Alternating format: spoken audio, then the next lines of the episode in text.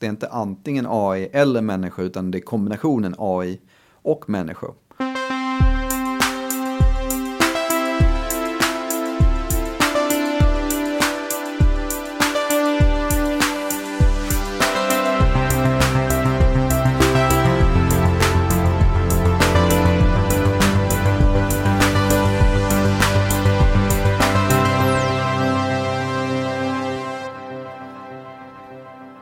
Ja men hej, välkommen till Heja Framtiden. Idag ska vi prata om AI, artificiell intelligens. Men vi ska inte grotta ner oss i de här filosofiska utläggningarna om superintelligens och singularitet som vi ibland gör här. För att det är så roligt och spännande. Vi ska istället fokusera på de eh, positiva möjligheterna som finns med AI. Framförallt inom näringsliv och offentlig sektor men även inom vårt vardagliga liv. Vi ska idag träffa en av eh, Sveriges eh, absolut ledande experter inom AI-fältet. Han heter Fredrik Heinz från Linköpings universitet. Han är ordförande i Svenska AI-sällskapet och sitter i Europakommissionens eh, tunga expertgrupp inom AI-frågor. Han menar att vi har all potential att utveckla AI till något fantastiskt i Sverige och världen om vi gör det tillsammans med människor och låter den artificiella intelligensen stärka det arbete som vi redan utför. Istället för att ersätta. Och Sverige kan samtidigt ta en ledande roll. Inte inom kanske forskning och utveckling. Men inom etik och hållbarhet. Som vi redan håller på att diskutera ganska mycket här på hemmaplan. Förhoppningsvis kan dagens samtal leda till att även du får en något mer nyanserad och optimistisk syn på AI och dess utveckling. Idag spelar vi in hos Studio 19 Stockholm som ligger på Roslagsgatan 19. Kolla in Studio 19 om du behöver replokal, konferens, coworking space. Det finns lite allt möjligt där. Väldigt mysigt. Tack som vanligt till våra vänner på Warp Institute. Vi jobbar just nu med att crowdfunda eh, boken Upplysning nu som vi ska ge till alla Sveriges riksdagsledamöter. Tillsammans eh, Warp Institute, Heja Framtiden och podcasten Synfält Framåt. Så kolla in det och stötta detta fantastiska initiativ. Vill du ha en eh, dos omvärldsbevakning och trendspaning så på fredag morgonen så kan du prenumerera på Noden-trender som Uppsalabolaget Noden eh, driver. Noden.se kan du registrera dig. Då får du en bra uppställning av eh, aktuella länkar och nyhetstips inom teknik, ekonomi, politik och även Asien. Vi samarbetar lite på ett hörn där. Tack Noden! Allt du behöver veta om Heja Framtiden finns som vanligt på hejaframtiden.se. Det börjar fyllas på där med vackra intervjupersoner som har varit med. Eh, kolla in de tidigare avsnitten om du inte har gjort det redan. Och dela det med dina vänner. Så att de också får känna på lite framtidspepp. Jag heter då Christian von Essen och finns på alla plattformar och christianvonessen.com. Boka mig gärna för eh, föreläsningsuppdrag om du vill ha lite Heja Framtiden touch på din konferens eller ditt seminarium. Jag tar även eh, numera moderatorsuppdrag vilket är roligt. Tack snälla för att du lyssnar på Heja Framtiden. Det betyder sjukt mycket. Connecta gärna med oss på Facebook och Twitter och Instagram och så vidare. Yes, nu ska jag hålla käften. Um, välkommen till Heja Framtiden. AI med Fredrik Heinz. Då ska vi spela in. Ja, bra. Bra, eh, då säger vi välkommen till Heja Framtiden, eh, Fredrik Heinz. Hej. Hej. Du är här i Stockholm över dagen. Du är baserad i Linköping. Stämmer utmärkt. Där du är universitetslektor inom AI och integrerade datorsystem. Ja, autonoma system brukar jag säga. Ja. Mm. Vi ska gå igenom lite olika saker som du gör. Ja. Du är ju eh, någon slags eh, svensk superstjärna inom eh, artificiell intelligens. Är du ordförande i Svenska AI-sällskapet? Jajamensan. Är det du som drog igång? Nej, nej, det startade 1982. Så det har funnits i snart 40 år. Och så är du även, sitter du även i Europakommissionens eh, ganska nybildade expertgrupp. Mm. Den är 52 experter från Europa. Ja, som... precis. Uh, high level expert group on AI. Där vi bland annat har uppdrag då liksom att eh, titta på, ta fram ett etiskt ramverk för AI i Europa och så ska vi göra policy och investeringsrekommendationer till kommissionen. Och det är ett arbete då som började ja, precis innan sommaren och ska vara klart i början på nästa år. Så det, det är intensivt. Mm. Vad, eh, vad var det som fick dig att uh, ramla in på just AI som forskningsfält från början? Jag har ju varit intresserad av AI väldigt länge eh, och jag tror på högstadiet någon gång som jag bestämde mig för det. Eh, och förvalts var intresserad av rationalitet. Vad innebär det att vara en rationell människa och fatta rationella beslut? Eh, och sen på, efter gymnasiet kunde jag inte riktigt bestämma om jag skulle ta liksom mer en datavetenskaplig väg eller om jag skulle ta en mer matematisk väg eller mer komplexa system, fysik-hållet. Men i slutändan så valde jag datavetenskap och varit väldigt nöjd med det. Så jag, jag har varit intresserad av AI väldigt länge men forskat på det i knappt 20 år. Och hur, eh, hur definierar vi AI då? För den som inte vet vad det är riktigt. Alltså enkelt kan man ju säga att AI handlar om att eh, bygga system som är intelligenta eller har en intelligent beteende. Det vill säga att eh, få datorn att göra det som i dagsläget bara människor kan göra. Vilket är väldigt intressant för att det betyder att man hela tiden måste flytta fram gränserna. För så fort datorn kan göra det så ja, då räknas det inte, lite, inte lika mycket längre. Då vill man nästa utmaning. Men man kan ju säga att väldigt få system idag är ju vad vi skulle kalla intelligenta agenter. Det vill säga kan liksom ta in eh, information från omvärlden, eh, dra slutsatser, resonera kring den här informationen och sen agera. Utan ofta har man mer AI-komponenter. Eh, och ofta de komponenter man har är då antingen någon slutsatsdragning, planering, eh, prediktion eller liknande. Eh, och, eh, eller så är det då mer inlärning. Och man kan väl säga att både det här att kunna dra rationella slutsatser och att kunna lära sig nya saker är ju liksom någonting som vi väldigt starkt förknippar med, med intelligens. Men finns det ibland en sammanblandning mellan AI och eh, helt enkelt algoritmer? I, alltså, AI är ju också algoritmer. Mm. Så att om du har en, en maskininlärningsalgoritm så det är fortfarande en algoritm. Sen resultatet av den algoritmen är ju en form av inlärning. Så att, eh, vad kan vi säga, liksom, det, det är ett annat sätt att se på det här med AI, nämligen att mekanisera mänsklig kognition eller mänsklig intelligens. Så att liksom vi, vill, säga, vi vill förstå fenomenen tillräckligt väl för att vi ska kunna göra algoritmer som fångar eh, det här beteendet eller den här förmågan. En annan aspekt på det här med AI, alltså algoritmer och eh, säg, maskininlärning är ju att antingen så är det du som människa som tänker ut alla möjliga situationer och sen så gör det som en algoritm eller ett dataprogram som bara följer de där reglerna eh, till punkt och pricka.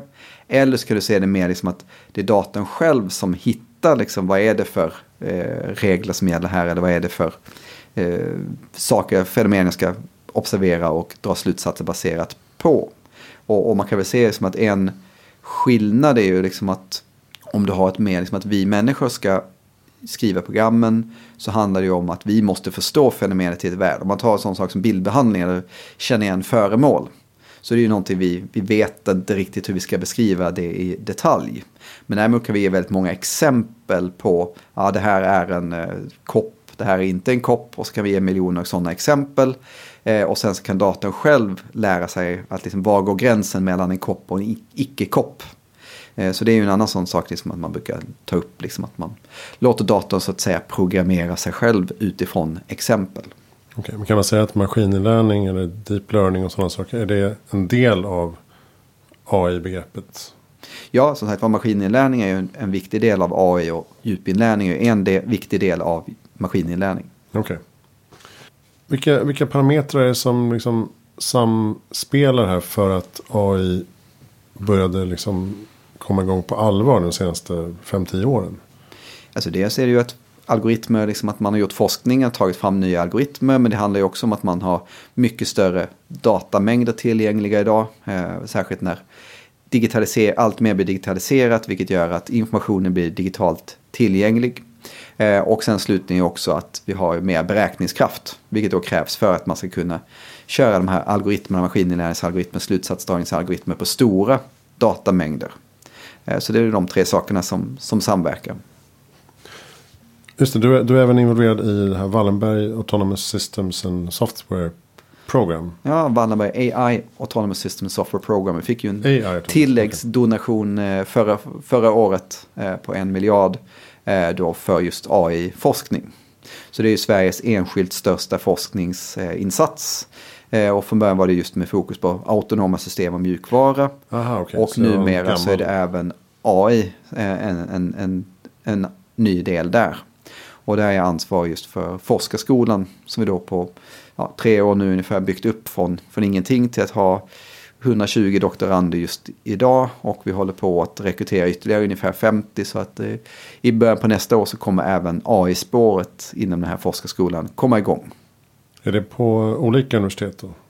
Linköpings universitet är värd för eh, den här donationen men vi har även med KTH, Chalmers, Lund och Umeå i, i så här ursprungssatsningen. Sen i den här AI-satsningen ingår även Uppsala universitet och Örebro. Och WASP heter själva initiativet. Vass heter initiativet, Wasp, ja. okej. Mm.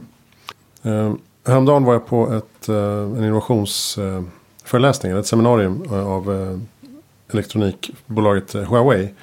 Och där frågan löd, kan Sverige ta en ledande roll inom AI? Och då var det rungande svaret bland de medverkande var nej. För att det saknas kapital, kompetens, politisk vilja, visioner och så vidare. Hur ser du på det? Vad, vad är det som... ehm, varför ligger Sverige efter i, inom AI? Eller Nej, gör vi det? Jag skulle säga att eh, Sverige, Sverige har den AI-forskning man har satsat på. Det vill säga att det har ju satsat väldigt lite på AI-forskning de senaste 20 åren. Vilket då betyder att det är väldigt få forskare inom området som har lyckats överleva. Det finns ju några enstaka på varje respektive universitet. Eh, och jag skulle säga att kvaliteten på dem är ju helt okej, men volymen är väldigt låg. Sen handlar det också om, vad ska man säga, de här... Eh, ja, till exempel maskininlärning har ju varit ett område som, där Sverige inte har varit särskilt starkt. Eh, så den delen av AI, där håller vi ju på att bygga upp nu inom den här VASP-satsningen bland annat. Men, men det är ju typ ett sånt område där vi behöver satsa mycket mer. Sen tror jag liksom att Sverige visst har möjlighet att ta en ledande roll inom, de, eh, inom någon nisch. Så att säga. Det gäller liksom att hitta liksom, vad är det vi kan bidra med. Och jag tror liksom två saker som, som, som vi har diskuterat och som jag tror finns möjlighet att göra någonting kring. Det ena är de här med vad säger, eh, hållbar AI, liksom etiskt hållbar och eh, socialt hållbar, eh, ekonomiskt hållbar AI. Liksom att hur får vi mesta möjliga nytta ur det från ett samhällsperspektiv. Och det andra är ju att använda AI för välfärdssektorn och för offentlig sektor. Det finns ju hur mycket att göra som helst både i sjukvården och i olika former av offentliga myndigheter. Att eh, kunna möta medborgarnas säga, krav och förväntningar på vad man ska få eh, från en välfärdsstat. Men som man idag kanske har lite svårt att eh, leva upp till. Och jag tror genom liksom AI-automatisering så kan man faktiskt ha en möjlighet att göra det. Mm. Jag tänkte vi skulle gå in på lite av de eh, positiva tillämpningarna som vi kan se. Um, kan du ge några exempel på saker som du har jobbat med där du ser omedelbara positiva effekter men som folk kanske inte känner till? Så vi har jobbat mycket med obemannat flyg, autonoma farkoster så att säga, där vi bland annat använt dem för att hjälpa till i räddningstjänsten. Så vi har haft eh, e EU-projekt där man skulle använda eh, olika former av helikoptrar, eh, robotar och annat för att hjälpa räddningstjänsten i, efter lavinolyckor helt enkelt. Att identifiera personer som hamnat under snön. Också att när de mänskliga räddningsarbetarna kommer på plats så kan de gå direkt till rätt plats och, och gräva upp dem som eventuellt har blivit begravda. Det är ett konkret exempel. Eh, nu så håller jag på att titta på hur kan man prediktera eh, när bussar och tåg och så vidare kommer fram. Eh, just därför att kunna ge mer, eh, bättre information till, till resenärer. Men även för att i förlängningen kunna liksom se hur ska vi ändra på eh, till exempel busstidtabeller eller vad får man för nytta av om man skulle se bussarna för alltid grönt ljus. Hur skulle det påverka tidtabellen? Liksom att hur kan vi förbättra publika eh, transportmedel eh, med, genom att liksom kunna bättre förstå både hur det funkar men även hur, man, hur det skulle påverkas av olika ändringar. Och, och så finns det ju hur mycket exempel som helst inom medicin och, hälsovårds, eh, hälso, Ja, hälso och sjukvård. Diagnostik är ju något som Mm. ofta kommer upp som exempel. Så att där finns det ju ett helt nationellt center just i Linköping som heter AIDA om just AI för eh, diagnostik i sjukvården. Mycket kring det här med bildbehandling, liksom att eh, kunna identifiera tumörer på bilder eller att eh, eh hade ett exjobb när de tittade på att kunna känna igen olika delar av ryggen för att liksom, kunna göra bättre eh, diagnoser på ryggbehandlingar eh, och liknande. Även eh, juridiskt i, i rättegångsprocesser. Att eh, läsa igenom miljontals dom, gamla domar som inte, inte människor kan.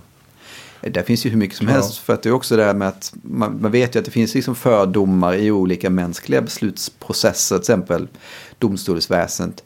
Eh, och då kan man liksom börja titta på den här. Vad är det för beslut man har tagit eller vad är det för domar man har eh, förkunnat så att säga. Och eh, kan man liksom analysera och hitta systematiska fördomar och faktiskt kanske kunna både förstå och sedan i slutändan kunna förbättra eh, beslutsfattandet. Eh, och de som var på det här seminariet pratade om att um, i princip alla företag måste jobba med AI på något sätt. Annars så hamnar man efter och sådär. Um, någon frågade sig till och med om det var är det, är det, är det etiskt att bara prata etik och inte tillämpning? I grund och botten handlar det om att tänka efter före och, och fundera på finns det några oönskade konsekvenser av det vi gör. Att det finns ju en del saker som att, att om man bara ser det eh, smalt och kortsynt så verkar det jättebra. Till exempel om jag är ett företag som kan jag maximera min försäljning liksom genom säg, dynamisk prissättning, individuell marknadsföring, liksom att ge notiser vid rätt tillfälle. Men vad, anta att effekten blir nu att mina kunder helt plötsligt blir väldigt överviktiga för helt plötsligt så käkar de mycket mer av någon produkt som vi säljer. Liksom. Mm. Är det liksom etiskt försvarbart eh, ur ett långt perspektiv? Plus att ja, det kanske inte är så bra för min försäljning över lång tid heller. Det kanske ökar min försäljning på kort sikt. Men vad blir de långsiktiga konsekvenserna av det? Det tycker jag är en intressant fråga. Ja, det. det finns många exempel. Till exempel att erbjuda lån till folk som redan är, folk som redan är välbärgade mm. i vissa um, postkodsområden till exempel. Eller um, att man går på spelare som kanske utvecklar spelmissbruk och så vidare. Um, men det, och det här är, tror jag att Sverige ligger långt framme inom den etiska debatten. Jag tror att här upplevs den som väldigt viktig och jag tror att man tar den på ett större allvar säga, från, från myndigheter och från, från eh, regeringssida. Så att jag upplever att där finns ett stort intresse av de här frågorna och att vi vill jättegärna vara med i utvecklingen, vi, vi driver jättegärna på utvecklingen men samtidigt vill vi se till att det kommer faktiskt medborgarna till nytta. Mm. Ofta när vi pratar i den här podcasten så är det ju framtidsforskare som uttalar sig. Och eh, man hamnar ju lätt in på liksom prata om superintelligens och singularitet och eh, generell artificiell intelligens.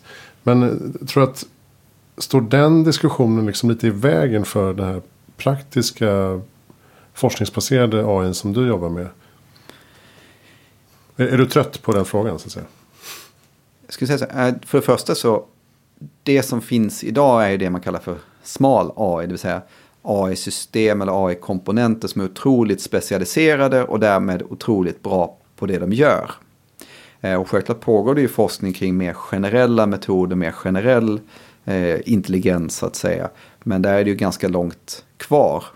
Eh, det som jag tycker är, jag tycker det är jätteviktigt att man har den här alltså, mer långsiktiga eh, debatten och diskussionen. Samtidigt upplever jag som har jobbat praktiskt med de här frågorna under, under en tid att det är ganska långt kvar innan man kommer till en sådan nivå.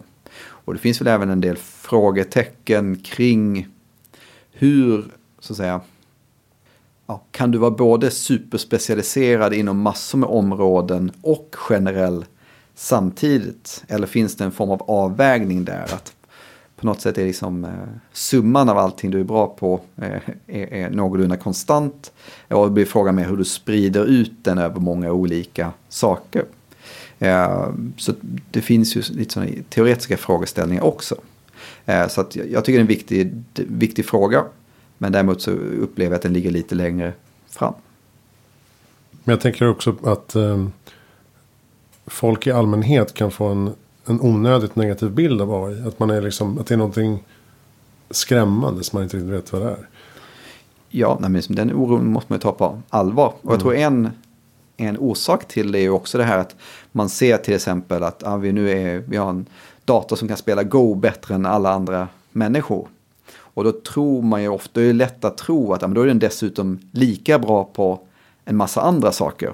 Just att man, man förväntar sig att det är mer som en människa, det vill säga att vi kan göra väldigt många saker. Eh, Men det som, man nu tar liksom just det här AlphaGo, så du kan, det enda du kan mata in i dem är ju Go-bräden. Och enda du kan få ut är liksom ett nytt drag. Du kan inte mata in någonting annat till det där systemet. Eh, och, och jag tror ibland drar man lite för långtgående slutsatser från de här enskilda imponerande framstegen. Just det. Den här Europakommissionens expertgrupp som du eh, nämnde. Som du är delaktig i. Mm. Ehm, många pratar ju om någon slags kapprustning mellan Europa, USA och Kina. Där Europa ligger efter då fortfarande. Varför måste man eh, använda begreppet kapprustning egentligen? Är, är det det vi håller på med? Kapprustning är väl typ som ord som journalister använder här. Eh, vi ser det ju snarare, jag, jag ser det ju snarare som att det är ett väldigt viktigt område som kan få väldigt stora positiva konsekvenser. Eh, samtidigt så finns det också risker att det kan ju också få stora negativa konsekvenser. Därför är det ju viktigt att både att vi i Europa är med eh, Eh, och sätter agendan eh, och liksom styr utvecklingen i en riktning som vi tycker som vi vill ha. Sen så tror jag också att eftersom det här kommer påverka alla länder, alla områden i alla länder, att eh, det är ju väldigt begränsat med kompetens. Vilket då betyder att vi, även om vi skulle vilja köpa in kompetens eller rekrytera kompetens utifrån så kommer vi bara kunna göra det till en liten del. Och istället så måste vi se till att vi har inhemsk kompetens. Liksom att vi i Sverige och vi i Europa har den kompetens vi behöver för att kunna dra nytta av möjligheterna samtidigt som vi minimerar riskerna.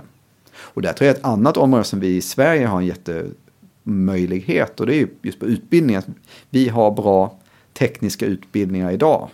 Eh, om vi skulle öka sig AI-innehållet i dem och helt plötsligt liksom ha en stor grupp eh, nyutexaminerade liksom, Eh, högutbildade personer med kompetens inom AI-området. Då skulle ju Sverige bli ett intressant land för internationella företag som idag har svårt att rekrytera på sina hemmamarknader eh, och att faktiskt komma hit till Sverige och etablera sig.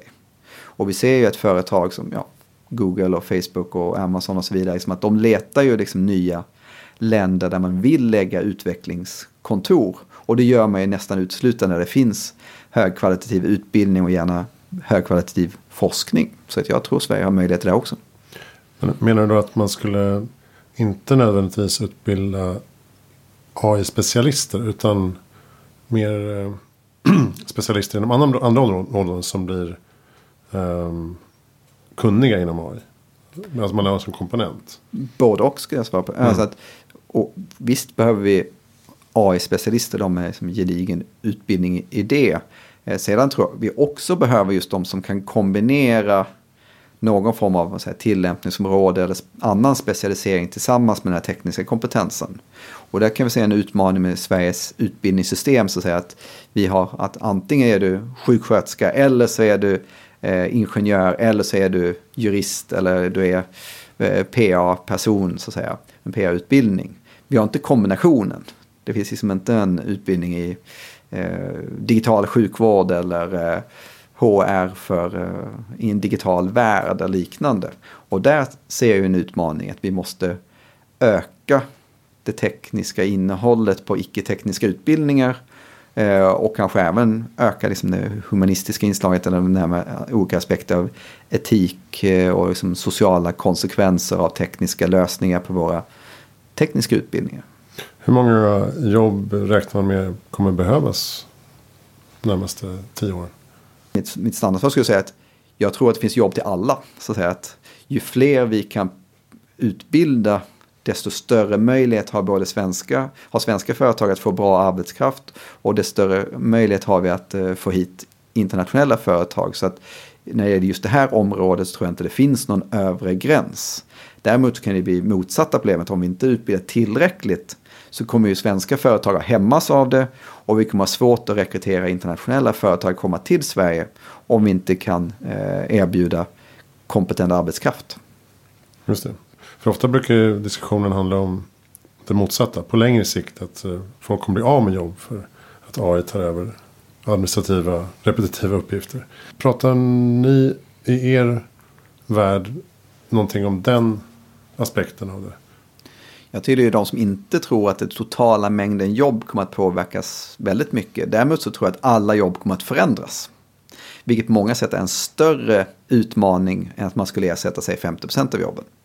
Och anledningen till att jag inte tror att det kommer att det totala antalet jobb kommer att förändras jättemycket är för det första det som automatiseras är ju inte yrken utan enskilda arbetsuppgifter.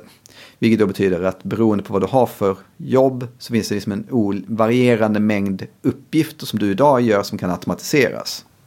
Eh, så det betyder då att du måste bli bättre på att kunna lösa problem tillsammans med de här AI-verktygen.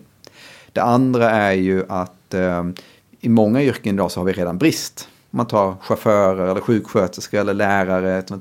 Det är ju inte så att vi har köer med folk som står och, och, och är beredda att ta över jobb. Så att jag ser det som absolut nödvändigt att, att kunna återigen liksom att utföra alla de sysslor som vi förväntar oss att ska utföras och som behövs göras med den begränsade befolkning vi har. Så jag ser det snarare som att eh, vi måste automatisera för att kunna erbjuda den nivå av eh, service från offentlig sektor till exempel eller att företagen ska kunna eh, bli effektiva och konkurrenskraftiga annars kommer vi inte kunna hänga med i utvecklingen. Hur ser du på de mänskliga förmågorna som vi kan komma att behöva förstärka då när de här typen av uppgifter blir automatiserade? Jag anser ju att det som är viktigt här är att det handlar inte om antingen eller.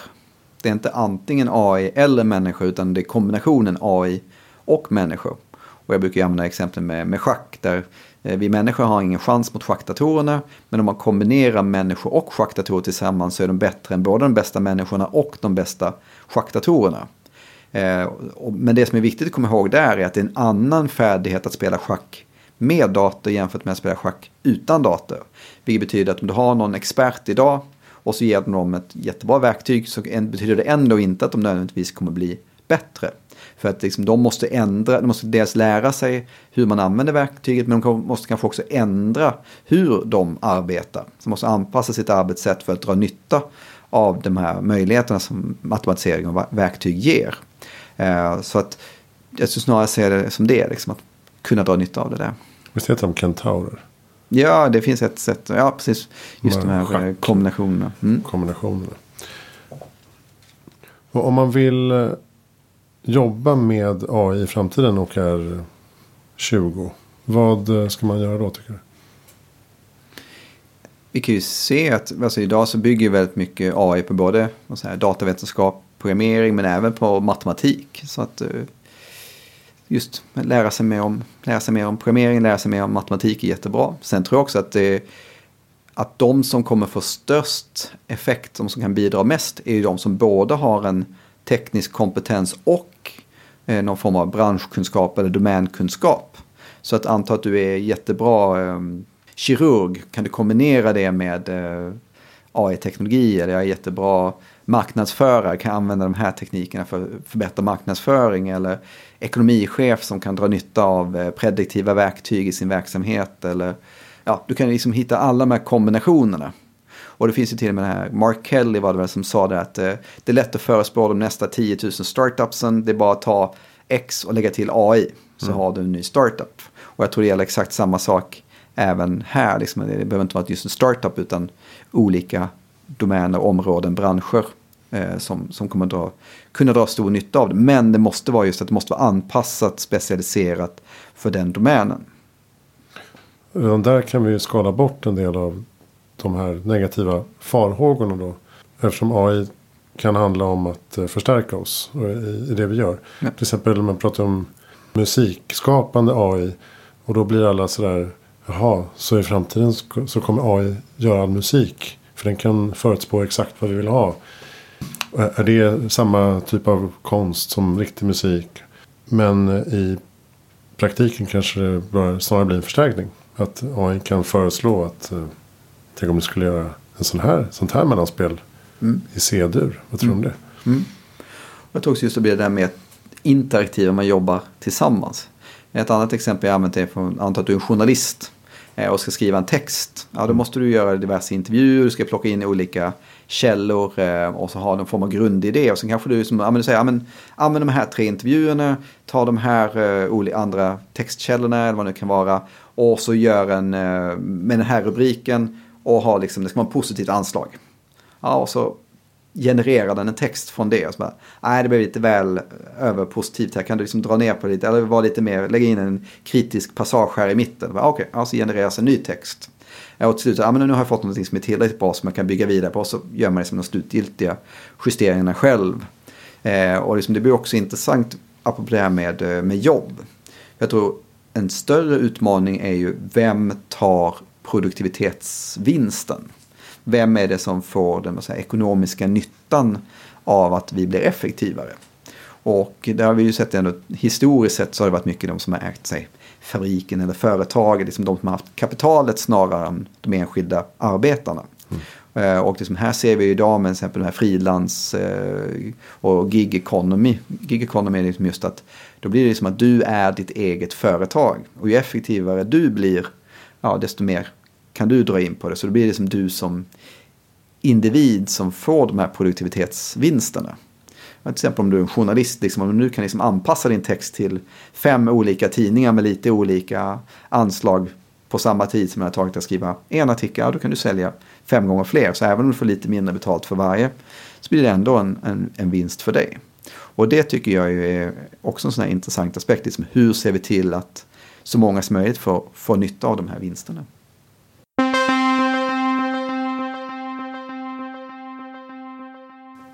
Hur skulle du definiera hållbar AI då? Om du vill gå tillbaka till det en stund. Det handlar ju om just att se till att det funkar i längden. För att det enkelt, liksom just att inte bara se på de kortsiktiga vinsterna utan även på de långsiktiga effekterna av det. Eh, och att eh, kunna stå, alltså om man nu är som ett företag eller organisation, att kunna stå bakom de beslut man gör idag även om några år. Eh, och när man liksom med eh, full kunskap om vad som faktiskt händer kan vi fortfarande stå för det vi gjorde. Har vi gjort det som är rimligt att förvänta av oss eh, vad det gäller liksom att förut, som här, ta hänsyn till eh, etiska aspekter eller sociala aspekter eh, och så vidare. Även juridiska aspekter på det hela. Och där kommer vi in på något som vi ofta landar i eh, i den här podden. Att, eh, att vi behöver mer tvärvetenskapliga samarbeten generellt. Jag tror definitivt Får man tänka sig det även inom, inom näringslivet. Att eh, man behöver inte bara slänga in en massa AI-forskare eller AI-specialister i ett rum. Utan det måste till någonting, Mm. någonting mer. Man kan säga att AI från början är väldigt tvärvetenskapligt. Ofta är det som kognitionsvetare och psykologer och lingvister och väldigt många andra som är delaktiga i den forskningen. Men här ser vi liksom ytterligare spridningar, till exempel som du sa, både liksom i filosofi, juridik, etik och så vidare. Så det finns ju hur mycket spännande kombinationer som helst. Och särskilt liksom om, man, om nu AI får den stora genomslag som man förväntar sig att ska. Det, det finns ju någon som pratar om att AI är den nya elektriciteten, det vill säga att förändringen på samhället är lika stort som när man elektrifierade samhället. Och det betyder ju då att det påverkar ju alla aspekter av samhället och därmed så måste man ju involvera forskare från alla möjliga delområden. Vad, eh, vad forskar du kring just nu? Om du hinner forska, du går på massa möten. Precis. Nej, jag har fyra doktorer. Jag vi forskar på flera olika saker. Liksom, en av sakerna jag har tittat på en hel del är det vi kallar för stream reasoning. Alltså kunna göra inkrementell slutsatsdragning över strömmande information. Så att istället för som man traditionellt gör, liksom samla allting i en databas eller kunskapsbas och sen ställa frågor till den. Så börjar du med att ställa frågan och sen försöker du samla in den informationen du behöver för att svara på frågan så att du så snabbt som möjligt kan svara på den. Vilket är till exempel viktigt när du har väldigt stora eh, datamängder som liksom, du kan inte lagra det. Eller just att det blir inkrementellt tillgängligt som att om du resonerar om säg, information från sensorer eller annat som blir, som blir tillgängligt. Eh, du har inte tillgängligt från början men över tid så blir det tillgängligt. Det är ett område. Ett annat område som jag tror väldigt mycket på som jag har börjat röra mig mot är det med kausalitet. Att vi kollar liksom på dagens maskininlärning och eh, bygger ju väldigt mycket på korrelation. Alltså du hittar att de här två sakerna finns någon form av samband mellan, mellan dem. Men du vet inte åt vilket håll det är. Så du vet inte liksom, om jag nu vill påverka resultatet, vad är det jag ska ändra på? Om man till exempel tar det här med, om du mäter temperatur, liksom att du har en termometer. Termom, om du, eh, termometern visar ju liksom vad det är för temperatur utomhus. Så det finns liksom en korrelation mellan utomhus eller temperaturen runt om och eh, vad termometern visar. Men om du sätter fingrarna på termometern och så att den stiger till 30 grader betyder ju inte att värmen i rummet blir 30 grader. Så att om du ändrar vad termometern visar så får det ingen effekt på den faktiska värmen i rummet. Medan om du ändrar värmen i rummet så kommer den också ändra det värde som termometern visar. Så just att kausaliteten går, har en riktning. Eh, vilket då, det är väldigt viktigt att, att känna igen dem där. Och det finns ju massor med sådana här, såna här eh, vad heter det, spurious correlations, liksom saker som är korrelerade men som inte har någonting med varandra att göra. Eh, och jag tror liksom det här är liksom nästa steg i både maskininlärning, så att hitta de här kausala sambanden, eh, men också det här med att kunna förklara, liksom ha en eh, kausal förklaring till varför drar du den här slutsatsen? Jo, för att det finns de här sambanden, de går i den här riktningen, nu ändras det värdet och det påverkar de andra sakerna på följande sätt, därför får vi den här effekten. Så att där finns det ju väldigt mycket att göra. Man kan tänka sig just inom framtidsspaningar och framtidsforskning och eh, att eh, extrapolera data mot framtida mm. resultat. Mm. Måste AI vara perfekt att samarbeta med. Precis, och det är vi också ett sånt exempel här med kausalitet. Så att, säga att bara för att saker har samvarierat på ett sätt hittills betyder inte att de kommer samvariera i framtiden. Det finns ju en del forskning, till exempel det här att kunna, givet ett filmklipp, så ska du generera hur det där filmklippet eh, fortsätter. Eh, och eh, om man nu bara gör de här kollationerna så kommer det liksom, ja, man kommer bara hitta liksom saker som hänger ihop. Men om det däremot liksom vad finns det för objekt i, i, i scenen? Vad är det de gör? Liksom, är det någon boll som, som kastas? Du kan säga som, om en boll ja, går liksom rät linje uppåt. Om du bara liksom fortsätter den så kommer den liksom fortsätta stiga i all evighet.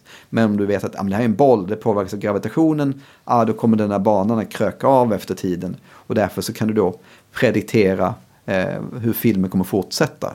Och det kan du egentligen inte observera direkt från, från den ursprungliga filmsnutten så att säga. Du nämnde lite om offentlig förvaltning och eh, offentlig sektor. Mm. Och där har vi varit inne på tidigare också. Anders Ekholm, eh, vice vd på Institutet för framtidsstudier, gästade oss i ett av de första avsnitten, avsnitt tre. Eh, pratade just om hur ineffektiva många processer är. Eh, rena kontrollprocesser liksom, eh, i det här administrativa träsket som han upplevde att offentlig förvaltning har blivit.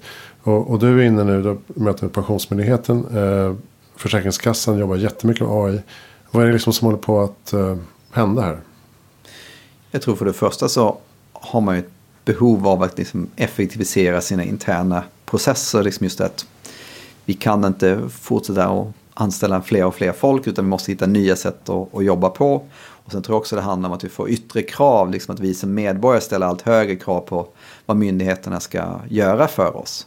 Eh, och enda sättet att möta de eh, behoven, eller de, efter, den, de kraven är helt enkelt att bli mer effektiva och automatisera mer. Så att jag, jag tror det är absolut nödvändigt. Plus att kunna göra nya former av tjänster möjliga. Så att liksom både eh, Arbetsförmedlingen och Skatteverket har ju gjort en hel del satsningar på det här området. Liksom Skatteverket har till exempel börjat med en digital assistent, alltså en form av chattbot. Eh, som då eh, Eh, vi som medborgare kan interagera med istället för att behöva ringa dem eller mejla dem eller vad det nu kan vara. Eh, och jag har för mig att de har sagt att 65% av alla frågor får svar automatiskt. Så att, säga. att du behöver inte eh, ha en handläggare med i processen. Och, eh, Arbetsförmedlingen jobbar med nya sätt att matcha jobb. Så istället för att liksom gå på SCBs eh, statistik att ja, men det här är klassificeras som den här typen av jobb, för den typen av jobb är precis de här utbildningarna. Ja, och så tittar man istället på, titta på de faktiska eh, annonstexterna, titta på de faktiska CVna och som en naturligt språkförståelse, liksom att hitta matchningar mellan dem på ett mycket eh, mer eh, effektivt, trovärdigt och liksom korrekt sätt. Så det finns ju massor med sådana positiva exempel som börjar hända. Sen ska man komma ihåg att det är väldigt långsamma processer. Så jag tror mm, Arbetsförmedlingen sa att de var inne på år fyra av sex nu. Mm. Så att liksom de, ja, de har påbörjat sexårigt arbete för att göra de här omställningarna och nu har kommit ungefär två tredjedelar på vägen. Jag hörde digitaliseringsminister Peter Eriksson i Almedalen. Jag tyckte han sa att Försäkringskassan enskilt hade anställt typ 200 AI-experter i princip. Alltså de har en IT-avdelning på tusen personer. Någonting. Ja, men det är, väl, ja, man kan säga, det är också en konsekvens av digitaliseringen. Man kan väl säga att det här är, nästan, det här är nästa våg av digitalisering. Liksom det som många myndigheter, organisationer och företag också för en del har gjort är att man har byggt de här typ big data-lösningar. Man har stora datasjöar eller vad man nu kallar det för någonting. Som att de har samlat all data men nu vet de inte riktigt vad de ska göra med datan. Eh, och där kommer ju den här typen av maskininlärning och slutsatsdragning in som perfekta verktyg att faktiskt göra någonting med all den här data man nu har samlat in. Så jag ser det, det är ett ganska naturligt nästa steg att bygga vidare på det. Vad är den bästa liksom, AI-uppfinningen eller implementeringen som du ser fram emot i framtiden? Som ännu inte finns. Mm. Jag, jag tror just att vi kommer att se väldigt stora fördelar som, som medborgare. Liksom just att, men, vi kanske inte behöver, liksom alla saker vi idag måste själva ta initiativ för att kontakta myndigheter, liksom barn som börjar skolan eller eh, ja, fylla i lappar minst en gång om året med all information. Och, ja, men det, det finns tillgängligt. Ja, det är som samma sak med varför ska du göra skattedeklaration? Liksom, du, då vet de ju redan idag liksom, ungefär vad vi gör. Och, jag, vet, jag tror liksom väldigt mycket kommer bli strömlinjeformat. Så egentligen tror jag liksom att de stora uppfinningarna och sånt, eller snarare de, de riktigt bra uppfinningarna, tror jag de, det är de vi inte ens märker. Det är bara de som de gör livet lättare. Men vi är inte medvetna om att det kanske finns jättesofistikerade tekniska lösningar bakom det. Men för mig som person eller oss som familj eller vad det kan vara så blir helt plötsligt saker mycket enklare. Jag tror för mig är det den stora vinsten snarare än någon enskild, eh, vad ska man säga, imponerande eh, upptäckt eller liksom framsteg. Sen finns det ju hela självklart den aspekten att vi behöver med AlphaGo och vi behöver med schackdatorerna eller vad, Jeopardy eller vad det nu kan vara. För att det är, alltså vi behöver de här enskilda exemplen för att de inspirerar ju och de används ju också för att eh, övertyga olika beslutsfattare. Men här finns faktiskt en möjlighet. Man behöver ändå någonting spektakulärt att se upp till. Och jag tror liksom om man nu tar andra jämförelser här med rymdfärd, liksom när, när Kennedy säger att vi ska sätta en man på månen och ta tillbaka dem säkert igen. Att man behöver den typen av väldigt vågade och mod, liksom långsiktiga visioner. Eh, att, att ha någonting att kämpa för och liksom att sikta mot. Sen tror jag liksom den stora nyttan är sånt som inte märker. Typ att de uppfann väl kulspetspennan som en del av rymdprogrammet för att eh, du kan inte skriva med bläck i, i rymden. Mm. Så det finns liksom massor med sådana små ja, vardagsförbättringar som kommer ut av den typen av långsiktig spjutspetsforskning som man inte hade tänkt på i förväg. Um, hur, kan, hur kan politikerna bli bättre på det här? De, de har ju problem med att formulera detta kanske. Det, det ofta handlar om eh, att eh, jobben kommer försvinna ungefär. Men samtidigt som vi ser då att de jobbar med till exempel offentlig förvaltning. Tror att de behöver fler goda exempel för att liksom fatta bra långsiktiga beslut inom forskning och utbildning och anslag. De och i stort sett alla i samhället behöver öka sin förståelse. Så att vi måste lära oss mer om vad vi kan göra, vad finns det för gränser, vad finns det för risker, hur gör vi det här på bästa möjliga sätt. Så utbildning är ett jättestort behov. Men sen tror jag också att det handlar jättemycket om en ledarskapsfråga. Jag tror det finns jätteduktiga enskilda medarbetare ute på företag, myndigheter och organisationer som skulle vilja göra saker men som idag kanske inte känner att de vågar eller får någon jättebra stöttning. Men om ledningen säger att det här är någonting vi ska göra, det här är viktigt för oss som organisation. Eh, och då, då öppnar man helt, helt plötsligt upp för både in, initiativ inifrån eh, organisationen men även liksom att man påbörjar eh, projekt uppifrån kanske för att förändra hur man jobbar och eh, hur man kan dra nytta av AI. Eh, så jag ser jättemycket som en ledarskapsfråga och jättemycket som en utbildning och kompetensfråga. Sen måste man ju också vara medveten om att det kräver förändring. Eh, och för att få till den här förändringen så är det jätteviktigt att man internt för organisationen visar liksom för medarbetare, så här får ni det bättre, eller så här underlättar vi ert arbete. Eh, vi kan liksom ge bättre service till, till medborgarna eh, utan att ni behöver ta ut er fullständigt. Och samma sak från, med, från ett medborgarperspektiv eller från ett kundperspektiv, företag. Liksom att det här är vad vi kan ge till er. Liksom, vi kan ge nya tjänster eller nya produkter som vi inte kunde göra annars. Eh, som vänder till liksom ett positivt, eh, eh, positivt eh, historia, narrativ runt det och liksom visa på vinsterna för, för, för var och en. Kommer vi kunna jobba mindre samtidigt? Så jag, tror, jag tror det finns sådana möjligheter så att säga att om det nu blir så att, att eh, genom automatisering så kan vi klara oss med min, färre personer så att säga, ja, men då, då skulle vi tjäna på att sprida ut arbetet över fler och därmed jobba mindre. Eh, ja. Ja, precis. Som att eh, alla de administrativa processer vi sitter i idag i företagen, om de elimineras på ett bräde, mm. då kanske det är rimligt att vi jobbar sex timmar istället för åtta. Då. Eftersom jag tror att det handlar mycket om det här med samarbete här, mellan AI och eh, människor så tror jag liksom inte människorna försvinner helt från processerna. Däremot så kanske de tror deras roll ändras. Liksom att istället för att vara den som kollar, uppfyller, uppfyller matar den här. in. ja, precis, mata in och kolla att man uppfyller. Man, alltså, vi kan ju se idag så finns det ju en trend att du som tjänsteman eller person på ett företag, du ska ju bara följa en process. Du ska bli en dator. Liksom att utvecklingen går mot att vi ska bli datorer eh, som bara följer för, förutbestämda processer, regler. Och helst ska vi inte tänka alls. Och för mig är det ju helt fel. Istället för att få oss människor att bli mer som datorer så behöver vi låta datorn göra det. Och så kan vi bli mer kreativa och liksom driva på utvecklingen så vi kan få ut mer. Snarare än att bli liksom någon ja, enkel regelföljare. Liksom. Nej, jag, jag är skeptisk mot det. Vad tycker du är ett bra tips för att göra världen lite bättre i framtiden? Alltså apropå det här med regler. Alltså jag tror att vi måste lita på professionen mycket mer. Att istället för att vi ska styra, liksom styra hur man ska utföra sitt jobb med väldigt detaljerade processer och regler och den här New Public Management och allt vad det nu är. Så liksom att lita på professionen, se till att folk har en bra utbildning, bra värdegrund eh, och liksom ha en tydlig, men det här är vad vi förväntar oss av dig. Och sen låta människorna göra det vi är bra på ändå att hitta nya möjligheter tillsammans med de här verktygen. Så jag tror mycket på med, ja, professionsutveckling och, och lita på människor. Har du något bra lästips för den som vill eh, veta mer om AI till exempel? Det finns väldigt mycket. Jag tycker, jag tycker det är svårt att ge något en, enskilt exempel. Uh, jag vet ju att uh, Max Tegmarks bok har ju fått mycket uppmärksamhet. Jag tyckte väl åtminstone första halvan var, var bra. Säga.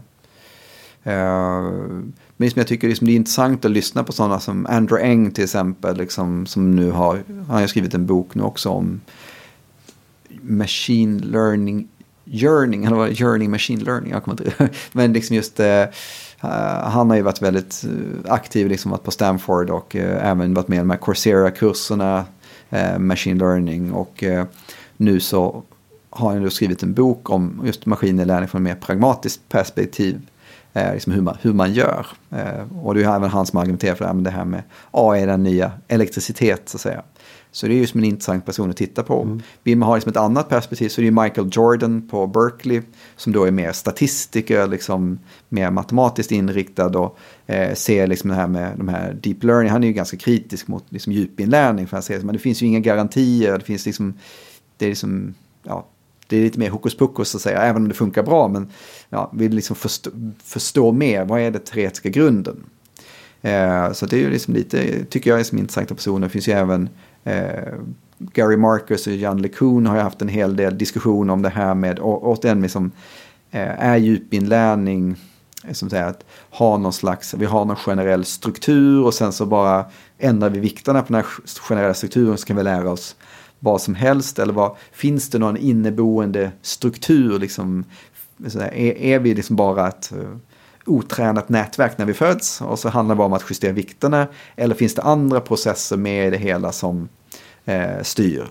Och det, det även liksom Chomsky var ju inne på det liksom när det gäller språk. Liksom att han, han argumenterar för att vi har liksom olika ordklasser och sådär fanns liksom inbyggt. Och när vi hör ord så kan vi säga vilken typ av ordklass det är så att det verkar finnas någon inneboende förståelse för språkets struktur och så vidare. Så att det finns ju massa sådana spännande frågor också. Om liksom, vad säger det här om oss människor? Uh, så att, och det kommer säkert hur mycket nya böcker och klipp och så vidare som helst. Så det, det är bara att följa. Men jag säger just ha, ha en bred... Alltså det handlar om att inte, jag, jag, tror ingen enskild teknik kommer lösa allt. Eh, så därför tillhör jag inte de som tror att just djupinlärning kommer lösa allt. Det är jätteanvändbart för vissa tillämpningar, till exempel där du har mycket data och det är svårt att eh, sätta upp regler för vad som är och inte ska eh, täckas in. Där är det perfekt. Men i andra områden där vi har tydliga regler, där vi har liksom tidigare kunskap, då finns det ju ingen anledning att inte dra nytta av den. Eh, och så vidare. Så jag tror det finns alla möjligheter att, eh, att eh, göra framsteg. Men det handlar om att ha ett öppet sinne och eh, lite breda perspektiv. Vem tycker att vi ska intervjua i Heja Framtiden? Alltså vill man prata med, med hållbar AI så finns ju Anna Fällender. Eh, hon är ju håller på med, vi har ju ett Vinnova-projekt tillsammans kopplat just det, hållbar AI. Mm. Där det pågår liksom arbete för att försöka ta fram en form av centrum, center för hållbar AI. Och kunna hjälpa företag att bli mer hållbara i sitt AI-arbete. Eh, det finns ju Mårten Blix som tittar på mer ekonomiska aspekter på det hela och det här med hur påverkas, ja, påverkas arbetsmarknaden. Det är ju väldigt intressant liksom hur arbetsmarknad och jobb påverkas. Det kommer ju påverkas. Eh, vi har eh, Stefan Larsson i, på Lunds universitet som även är på Fores.